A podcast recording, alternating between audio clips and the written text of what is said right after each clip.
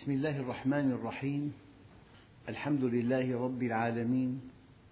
والصلاة والسلام على سيدنا محمد الصادق الوعد الأمين. اللهم أخرجنا من ظلمات الجهل والوهم إلى أنوار المعرفة والعلم ومن وحول الشهوات إلى جنات القربات. أيها الإخوة الكرام مع الدرس الثاني والثلاثين من دروس سورة التوبة ومع الآية السابعة والثلاثين وهي قوله تعالى إنما النسيء زيادة في الكفر. يضل به الذين كفروا يحلونه عاما ويحرمونه عاما ليواطئوا عدة ما حرم الله فيحلوا ما حرم الله زين لهم سوء أعمالهم والله لا يهدي القوم الكافرين. الحقيقة أيها الإخوة أن هناك هداية المصالح وأن هناك هداية الوحي وأن هناك هداية التوفيق وأن هناك الهداية إلى الجنة. أربعة أنواع من الهداية. أولا في حياتنا الدنيا الله جل جلاله هدانا إلى مصالحنا. فالجوع لولا الجوع لما كان هذا الدرس. تجوع تبحث عن الطعام تعمل تكسب مالا تشتري به طعاما تأكل تلبي حاجة الجسد. لك حاجة أخرى. أنت بحاجة إلى الطرف الآخر. تتزوج. لك حاجة سادسة هي تأكيد الذات. تتفوق. لولا هذه الحاجات التي أودعها الله فينا ما ارتقينا. نسلم بها ونسعد. فلذلك هدانا إلى مصالحنا. كل إنسان حريص على صحته. حريص على رزقه. حريص على أولاده. جعل في قلب الزوج مودة لزوجته من خلق الله. جعل في قلب الآباء والأمهات محبة لأولادهم. يعني في هداية المصالح. كل شيء الله أمرنا به فطرنا عليه. بتعبير معاصر برمجنا عليه. فأنت حينما تتحرك وفق منهج الله ترتاح نفسك. أساسا السعادة التي لا توصف. التي تأتي بعد الصلح مع الله. سببها أنك في الحقيقة اصطلحت مع نفسك. لما أطعت الله ارتاحت نفسك اطمأنت. الله عز وجل خلق الإنسان ضعيفا. هذا الضعف يتجاوزه إذا أطاع الله. والدليل القرآني إن الإنسان خلق هلوعا في أصل خلقه. نقطة ضعف في أصل خلقه. إن الإنسان خلق هلوعا إذا مسه الشر جزوعا وإذا مسه الخير منوعا إلا المصلين. معنى المصلي له خصائص إيجابية كبيرة جدا لكن ليس كل مصل إلا المصلين الذين هم على صلاتهم دائمون. والذين في أموالهم حق معلوم للسائل والمحروم والذين يصدقون بيوم الدين والذين هم من عذاب ربهم مشفقون إن عذاب ربهم غير مأمون والذين هم لفروجهم حافظون إلا على أزواجهم أو ما ملكت أيمانهم فإنهم غير ملومين فمن ابتغى وراء ذلك فأولئك هم العادون أخواننا الكرام في مناسبة هذه الآية لي تعليق عليها أذكره كثيرا لكن يحسن أن أعيد ذكره الآن. أنت إذا قلت مسلم بل إذا قلت إنسان هذه الكلمة يأتي تحتها ستة آلاف مليون إنسان في على وجه الأرض ستة آلاف مليون. أضف إلى هذه الكلمة كلمة ثانية. قل إنسان مسلم كنا بستة آلاف مليون أصبحنا بمليار وثمانمئة مليون. كنا بست مليارات عدد سكان الأرض. لما قلت إنسان مسلم ضاقت الدائرة إلى مليار وثمانمئة مليون. فإذا قلت إنسان مسلم عربي ضاقت الدائرة إلى أربعمئة مليون. فإذا قلت إنسان مسلم عربي سوري ضاقت الدائرة إلى عشرين مليون. فإذا قلت إنسان مسلم عربي سوري مثقف يمكن النصف ضاقت الدائرة بعشر ملايين. فإذا قلت إنسان مسلم عربي مثقف طبيب صفي خمسين ألف. إذا قلت إنسان مسلم عربي مثقف طبيب قلب صفي ألف. إذا قلت جراح صفي خمسين. جراح مقيم في دمشق أربعة. شايف؟ كلما أضفت صفة ضاقت الدائرة. هذا المقياس أو هذا المثل طبقوه على الآية الكريمة. إن الإنسان خلق هلوعا إذا مسه الشر جزوعا وإذا مسه الخير منوعا إلا المصلين. في بالأرض بعتقد مليار وثمانمئة مليون مسلم. أنا أتصور تخمينا لا تحقيقا أن الذين يصلون مليار مليار مصلي إلا المصلين. الذين هم على صلاتهم دائمون. ضاقت الدائرة. والذين في أموالهم حق معلوم للسائل والمحروم. والذين يصدقون بيوم الدين. والذين هم من عذاب ربهم مشفقون. إن عذاب ربهم غير مأمون. والذين هم لفروجهم حافظون. إلا على أزواجهم أو ما ملكت أيمانهم. فإنهم غير ملومين. فمن ابتغى وراء ذلك فأولئك هم العادون والذين هم لأماناتهم وعادهم راعون والذين هم على صلواتهم يحافظون أولئك في جنات مكرمون. كنا هيك؟ فالعبرة كما ورد في الأثر القدسي ليس كل مصل يصلي إنما أتقبل الصلاة ممن تواضع لعظمتي يعني فكر في الكون. رأى عظمة الله عز وجل فتواضع. ليس كل مصل يصلي. إنما أتقبل الصلاة ممن تواضع لعظمتي وكف شهواته عن محارمي استقام. فكر بالكون استعظم ربه عظمه خشع له فاستقام على أمره. وكف شهواته عن محارمه ولم يصر على معصيته. إذا وقع بذنب يتوب سريعا وأطعم الجائع له عمل صالح وكسى العريان ورحم المصاب وآوى الغريب. أعمال صالحة. كل ذلك لي الإخلاص. وعزتي وجلالي إن نور وجهه لأضوأ عندي من نور الشمس. على أن أجعل الجهالة له حلما والظلمة نورا. يدعوني فألبيه يسألني فأعطيه يقسم علي فأبره أكلأه بقربي وأستحفظه ملائكتي. مثله عندي كمثل الفردوس لا يمس ثمرها ولا يتغير حالها.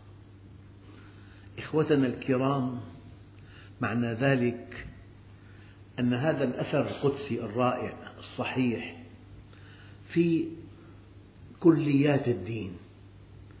أول كلية ممن تواضع لعظمته يعني تفكر في خلق السماوات والأرض. هذا التفكر يورثه تعظيما لله عز وجل. فبأي حديث بعد الله وآياته يؤمنون؟ تفكر في خلق السماوات والأرض. ليس كل مصل يصلي إنما أتقبل الصلاة ممن تواضع لعظمتي. بالمناسبة ورد بأثر آخر. قال يا رب أي عبادك أحب إليك حتى أحبه بحبك؟ قال أحب عبادي إلي تقي القلب نقي اليدين لا يمشي إلى أحد بسوء. أحبني وأحب من أحبني وحببني إلى خلقي. أحبني وأحب من أحبني وحببني إلى خلقي. ورد في هذا الأثر أن قال يا ربي إنك تعلم أني أحبك وأحب من يحبك فكيف أحببك إلى خلقك؟ قال ذكرهم بآلائي ونعمائي وبلائي. يعني ذكرهم بآلائي كي يعظموني وذكرهم بنعمائي كي يحبوني وذكرهم ببلائي كي يخافوني. يستنبط من هذا الأثر أنه لا بد من أن يستقر في قلب المؤمن تعظيم لله. وهذا التعظيم يأتي من التفكر في خلق السماوات والأرض. ولا بد من أن يستقر في قلب المؤمن محبة لله. وهذه المحبة تتأتى من التفكر في نعم الله. ولا بد من أن يستقر في قلب المؤمن خوف من الله. وهذا الخوف يتأتى من النظر في بلاء الله. بلاؤه ينبغي أن تخاف منه ونعمه ينبغي أن تحبه من أجلها وآلاؤه ينبغي أن تعظمه فيها. فتعظيم وحب وخوف. هي مشاعر إيمانية طبيعية. إذا في بقلبك مشاعر الخوف من الله ومشاعر الحب لله عز وجل ومشاعر التعظيم فأنت مؤمن ورب الكعبة. الآيات الكونية تدعوك إلى التعظيم والنعم تدعوك إلى الحب والبلاء يدعوك إلى الخوف. والأنبياء يعبدون الله رغبا ورهبا. رغبا ورهبا. إذا هداية المصالح الله عز وجل هداك إلى مصالحك. محبة الآباء لأولادهم هداية المصالح. محبة الأبناء لأهليهم هداية المصالح. المودة والرحمة التي أودعها الله في قلب الزوج تجاه زوجته. من هداية المصالح. والمودة البالغة التي تكنها الزوجة لزوجها هذه من هداية المصالح. هداك إلى مصالحك. ثم هداك هداية الوحي. جاء وحي من السماء يقول لك الله الذي خلق السماوات والأرض. حدثك القرآن عن ذات الله بآيات كثيرة. حدثك عن مخلوقاته عن الكون عن الحياة عن الإنسان عن سر وجودك عن غاية وجودك عن أن العبادة علة وجودك. والعبادة طاعة طوعية ممزوجة بمحبة قلبية أساسها معرفة يقينية تفضي إلى سعادة أبدية. فهي هداية الوحي. بالقرآن حدثك عن الجنة والنار. وسيق الذين اتقوا ربهم إلى الجنة زمرا. فأما من أوتي كتابه بيمينه فيقول هاؤم اقرءوا كتابي إني ظننت أني ملاق حسابي فهو في عيشة راضية في جنة عالية قطوفها دانية كلوا واشربوا هنيئا بما أسلفتم في الأيام الخالية. وحدثك عن النار. وأما من أوتي كتابه بشماله فيقول يا ليتني لم أوت كتابي ولم أدر ما حسابي يا ليتها كانت القاضية. ما أغنى عني مالية. هلك عني سلطانية. خذوه فغلوه. ثم الجحيم صلوه. ثم في سلسلة ذرعها سبعون ذراعا فاسلكوه. إنه كان لا يؤمن بالله العظيم. آمن بالله لكنه ما آمن بالله العظيم. والتفكر في خلق السماوات والأرض يوصلك إلى الإيمان بالله العظيم. فأول هداية هداية المصالح والهداية الثانية هداية الوحي. الهداية السادسة لمن استجاب للوحي هداية التوفيق.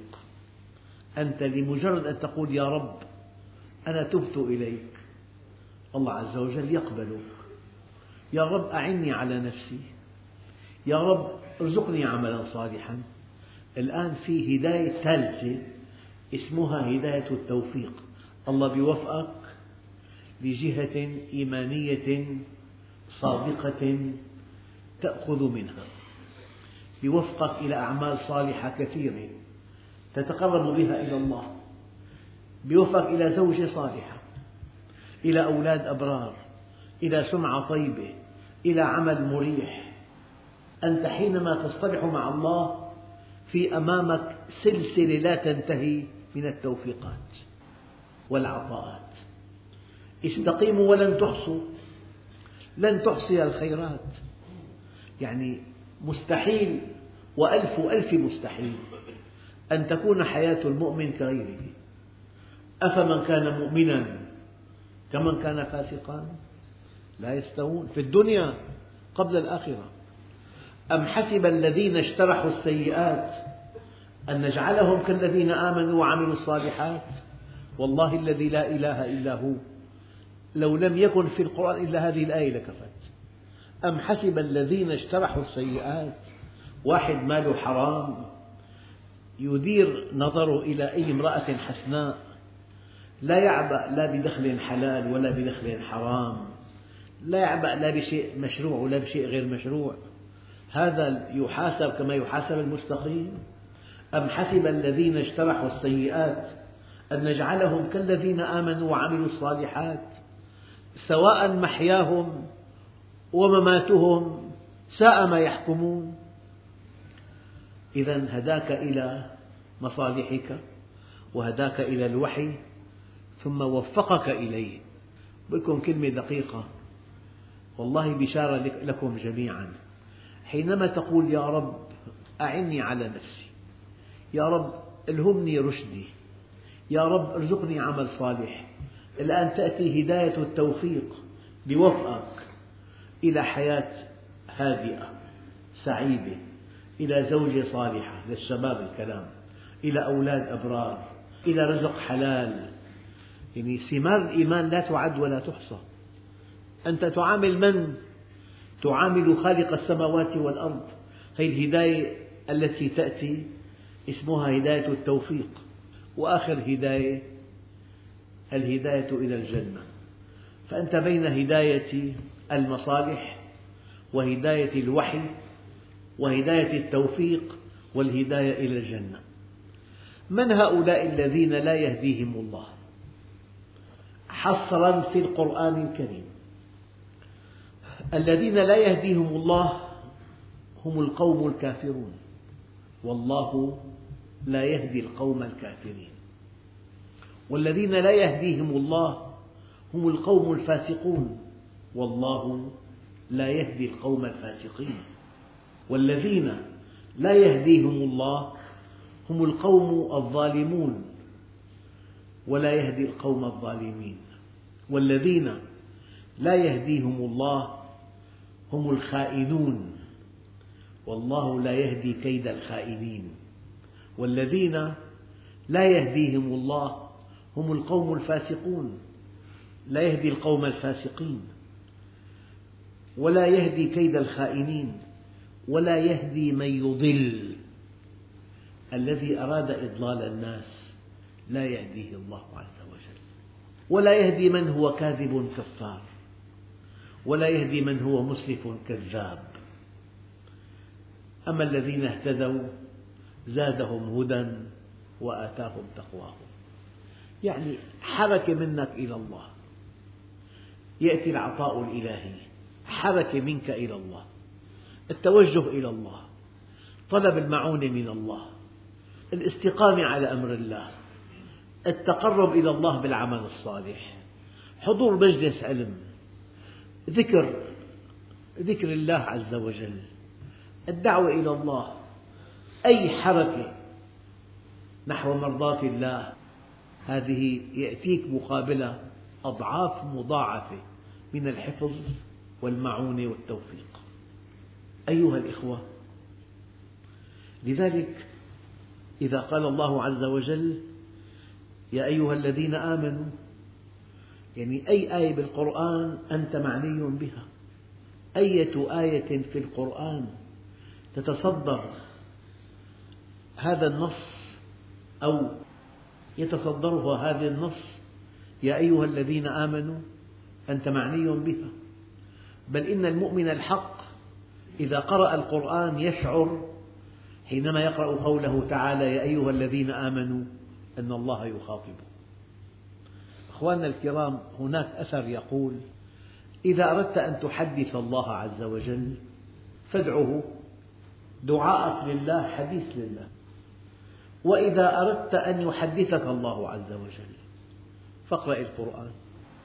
تحدثه بالدعاء ويحدثك بتلاوة القرآن. وأقول لك كلمة دقيقة. من علامات الإيمان أنك إذا قرأت القرآن تشعر أن الله يحدثك. يا أيها الذين آمنوا اتقوا الله حق تقاته ولا تموتن إلا وأنتم مسلمون. يجب أن تشعر كل خلية في جسمك وكل قطرة في دمك أن الله يحدثك. وحالة قراءة القرآن حالة رائعة جدا. يعني وقرآن الفجر إن قرآن الفجر كان مشهودا. حينما تقرأ القرآن فجرا هذه القراءة بوقت صافي في وقت ملائكي وقت تتنزل فيه الرحمة. أيها الإخوة الكرام يعني أي كلام يأتي بعد يا أيها الذين آمنوا في القرآن كله. أي كلام يأتي بعد يا أيها الذين آمنوا. هو توجيه لتحقيق سلامتك وسعادتك في الدنيا والآخرة. وفي شيء أغلى من سلامتك وسعادتك. من يتمنى العطب؟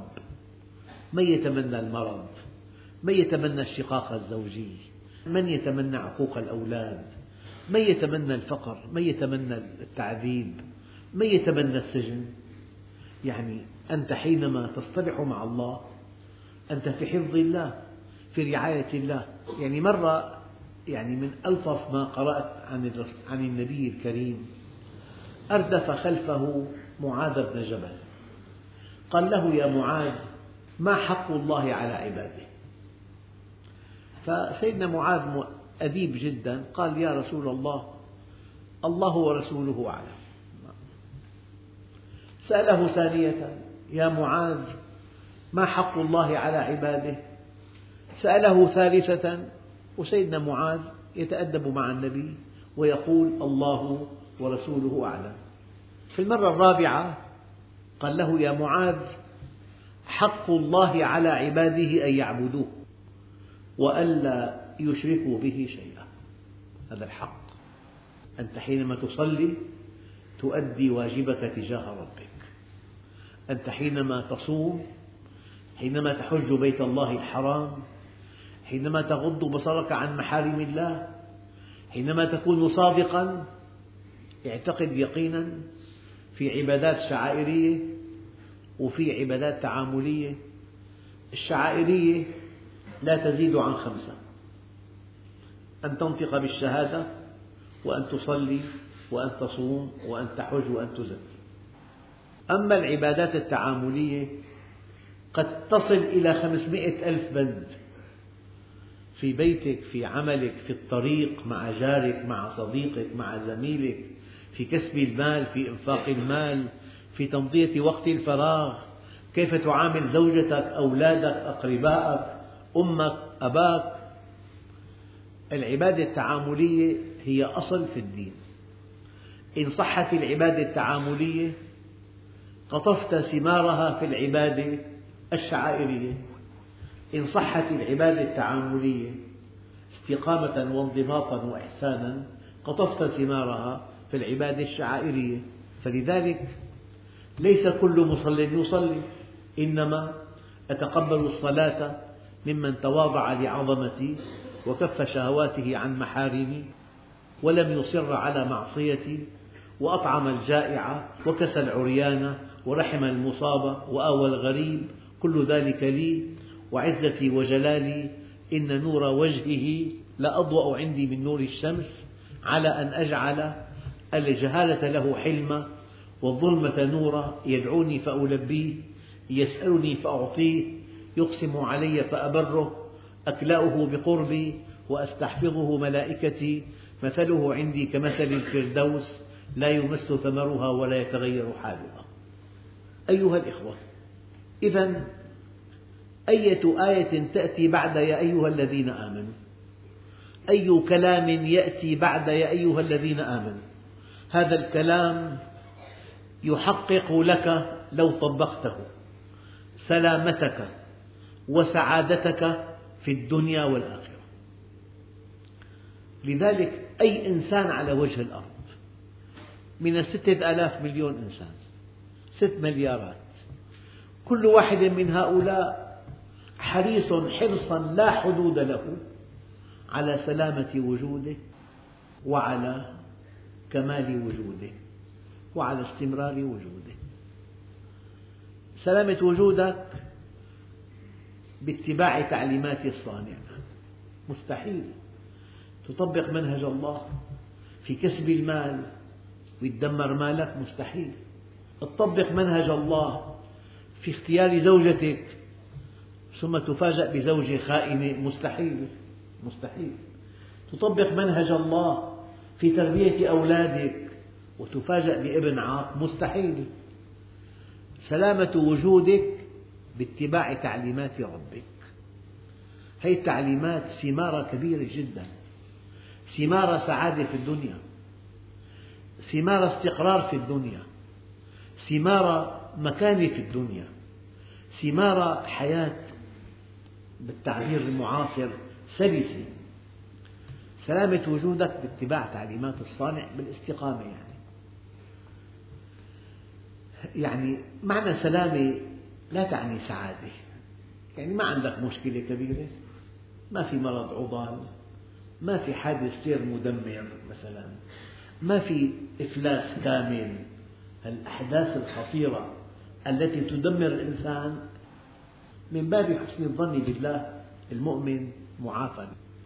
لأنه طبق منهج الله. لذلك لمجرد أن تستقيم على أمر الله أنت في سلامة في سلام مع الله. لكن السلام شيء والسعادة شيء آخر.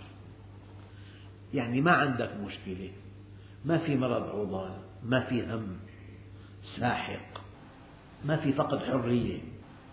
لكنك إذا عملت الصالحات أنت في سعادة. السعادة شيء والسلامة شيء آخر. السلامة سلبية. ما أصبت بمرض. ما افتقرت. ما ما كلها فيها ما. أما السعادة إيجابية. تأتيك من الله سكينة. هذه السكينة تسعد بها ولو فقدت كل شيء وتشقى بفقدها ولو ملكت كل شيء. والله عز وجل ذكر في كتابه الكريم أنه ينزل السكينة على عباده المؤمنين. فإذا أول شيء السلامة وثاني شيء السعادة. وكل إنسان مجبول على حب سلامة وجوده وكمال وجوده والثالثة استمرار وجودك. الاستمرار يأتي أنك حينما ربيت أولادك التربية الصحيحة كانوا استمرارا لك. والله مرة لا أنسى هذا الموقف. توفي عالم جليل في الشام. أقيم له العزاء في الجامع الأموي. ذهبت للتعزية. في اليوم الثالث وقف ابنه وألقى خطبة لا تبتعد كثيرا عن خطبة أبيه. هذا الأب ربى أبن داعية. أنا قلت إذا لم يمت هذا الأب. لم يمت. ما دام له خليفة له ابن استمر. فأنت باستقامتك تحقق سلامتك بالعمل الصالح تحقق سعادتك وبتربية أولادك تحقق استمرارك. السلامة بالاستقامة والسعادة بالعمل الصالح والاستمرار بتربية أولادك. أيها الإخوة الكرام إذا الإنسان مجبول على سلامة وجوده وعلى كمال وجوده وعلى استمرار وجوده. من تعريفات الإنسان أيضا هو عقل يدرك وقلب يحب وجسم يتحرك. يا ترى الدين بيلبي كل هذه الحاجات؟ في عندك حاجة أساسية إلى علم يملأ عقلك.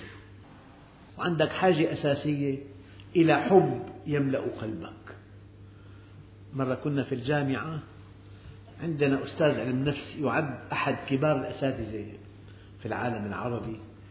قال أي إنسان لا يجد حاجة إلى أن يحب أو إلى أن يحب ليس من بني البشر. أنت كإنسان في عندك حاجة إلى أن تحب وحاجة إلى أن تحب. أما أن تحب ينبغي أن تحب من هو أصل لوجودك. خالق السماوات والأرض الحي الباقي على الدوام. البطولة أن تعرف من تحب. يعني إنسان أيام يحب إنسان. يموت هذا الإنسان يتألم أشد الألم. أما إذا أحببت الواحد الديان هو حي باقي على الدوام. أنت في الدنيا والآخرة مع محبوبك. فأنت عقل يدرك والعقل يحتاج إلى علم وقلب يحب والقلب يحتاج إلى محبوب. وكلما كان هذا المحبوب عظيما كنت أذكى في اختيارك. فإذا كان الذي اخترته هو الله أنت معه إلى أبد الآبدين. كل بطولتك أن تحب الله. ومحبة الله أسبابها بين أيدينا. الله يحب عباده جميعا. وأساسا ما أراد أن تكون علاقته بنا علاقة إكراه. قال لا إكراه في الدين. الأقوياء يطاعون قهرا إكراها. أما الله عز وجل الذي خلقنا ما أراد أن تكون علاقتنا به علاقة إكراه. قال يحبهم ويحبونه. والذين آمنوا أشد حبا لله. إذا علاقة الحب بينك وبين الله. فأنت عقل يدرك وقلب يحب وجسم يتحرك. غذاء العقل العلم وغذاء القلب الحب وغذاء الجسم الطعام والشراب. مرة ثانية أنت حريص حرصا لا حدود له على سلامة وجودك وعلى كمال وجودك وعلى استمرار وجودك. سلامتك باستقامتك وكمالك بالعمل الصالح واستمرار وجودك بتربية أولادك. أيها الإخوة الله عز وجل حينما هدانا إلى مصالحنا وهدانا إلى الوحي وحي السماء ووفقنا بعد أن اهتدينا إليه.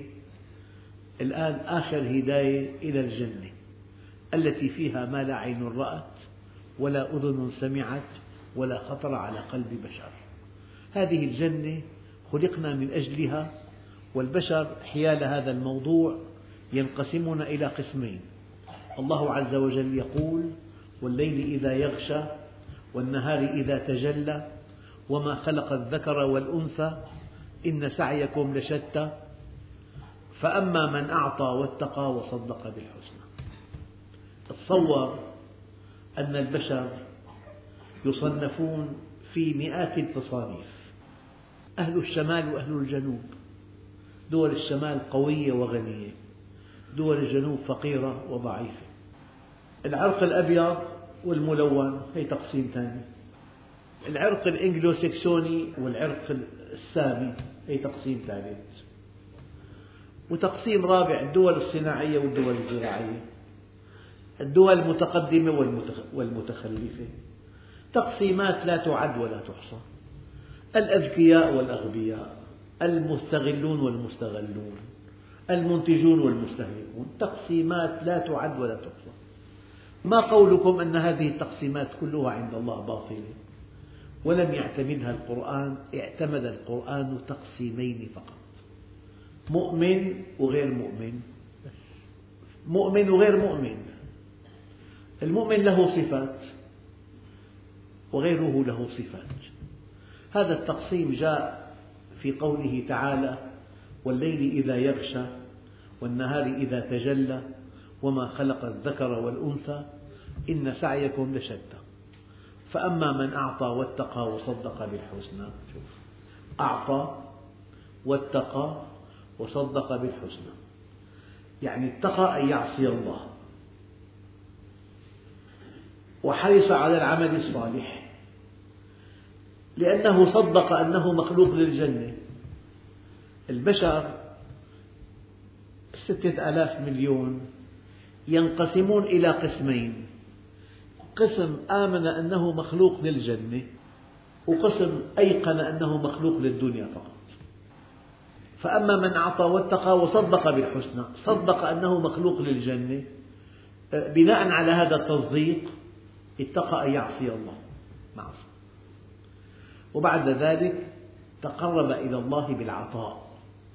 يعطي من ماله من وقته من خبرته من ذكائه من علمه من من حاجاته. أعطى مطلق. والفعل إذا أطلق إذا ألغي مفعوله أطلق أعطى. المؤمن كريم يعطيك وقته يعطيك خبرته. والله مرة أخ طلب مني أنه مين بيعلمه؟ صنع مادة غذائية معينة. قلت له سوق البجورية في أربعين محل ببيعوا حلويات. اسألهم. أقسم بالله ولا واحد أعطاه نصيحة. قال له شغلة فاؤورة إلا واحد. قال له بالعكس. مربحة المواد الأولية موجودة. وأرباحها جيدة. وما لا يعني ستوكات سبحان الله. مؤمن نصوح. علامة المؤمن نصوح. والأقل إيمان. بيتوهم إذا كان دخل على الحرفة هي قال ربحه. فلذلك الفرق الكبير بين مؤمن وغير مؤمن فرق جوهري. إذا الشيء الدقيق أنت مجبول على سلامة وجودك وعلى كمال وجودك وعلى استمرار وجودك ولك عقل غذاؤه العلم ولك قلب غذاؤه الحب ولك جسم غذاؤه الطعام والشراب وإن شاء الله في درس قادم نتابع هذه الآيات والحمد لله رب العالمين بسم الله الرحمن الرحيم الحمد لله رب العالمين والصلاة والسلام على سيدنا محمد الصادق الوعد الأمين. اللهم أعطنا ولا تحرمنا. أكرمنا ولا تهنا. آثرنا ولا تؤثر علينا أرضنا وارض عنا وصلى الله على سيدنا محمد النبي الأمي وعلى آله وصحبه وسلم والحمد لله رب العالمين. الفاتح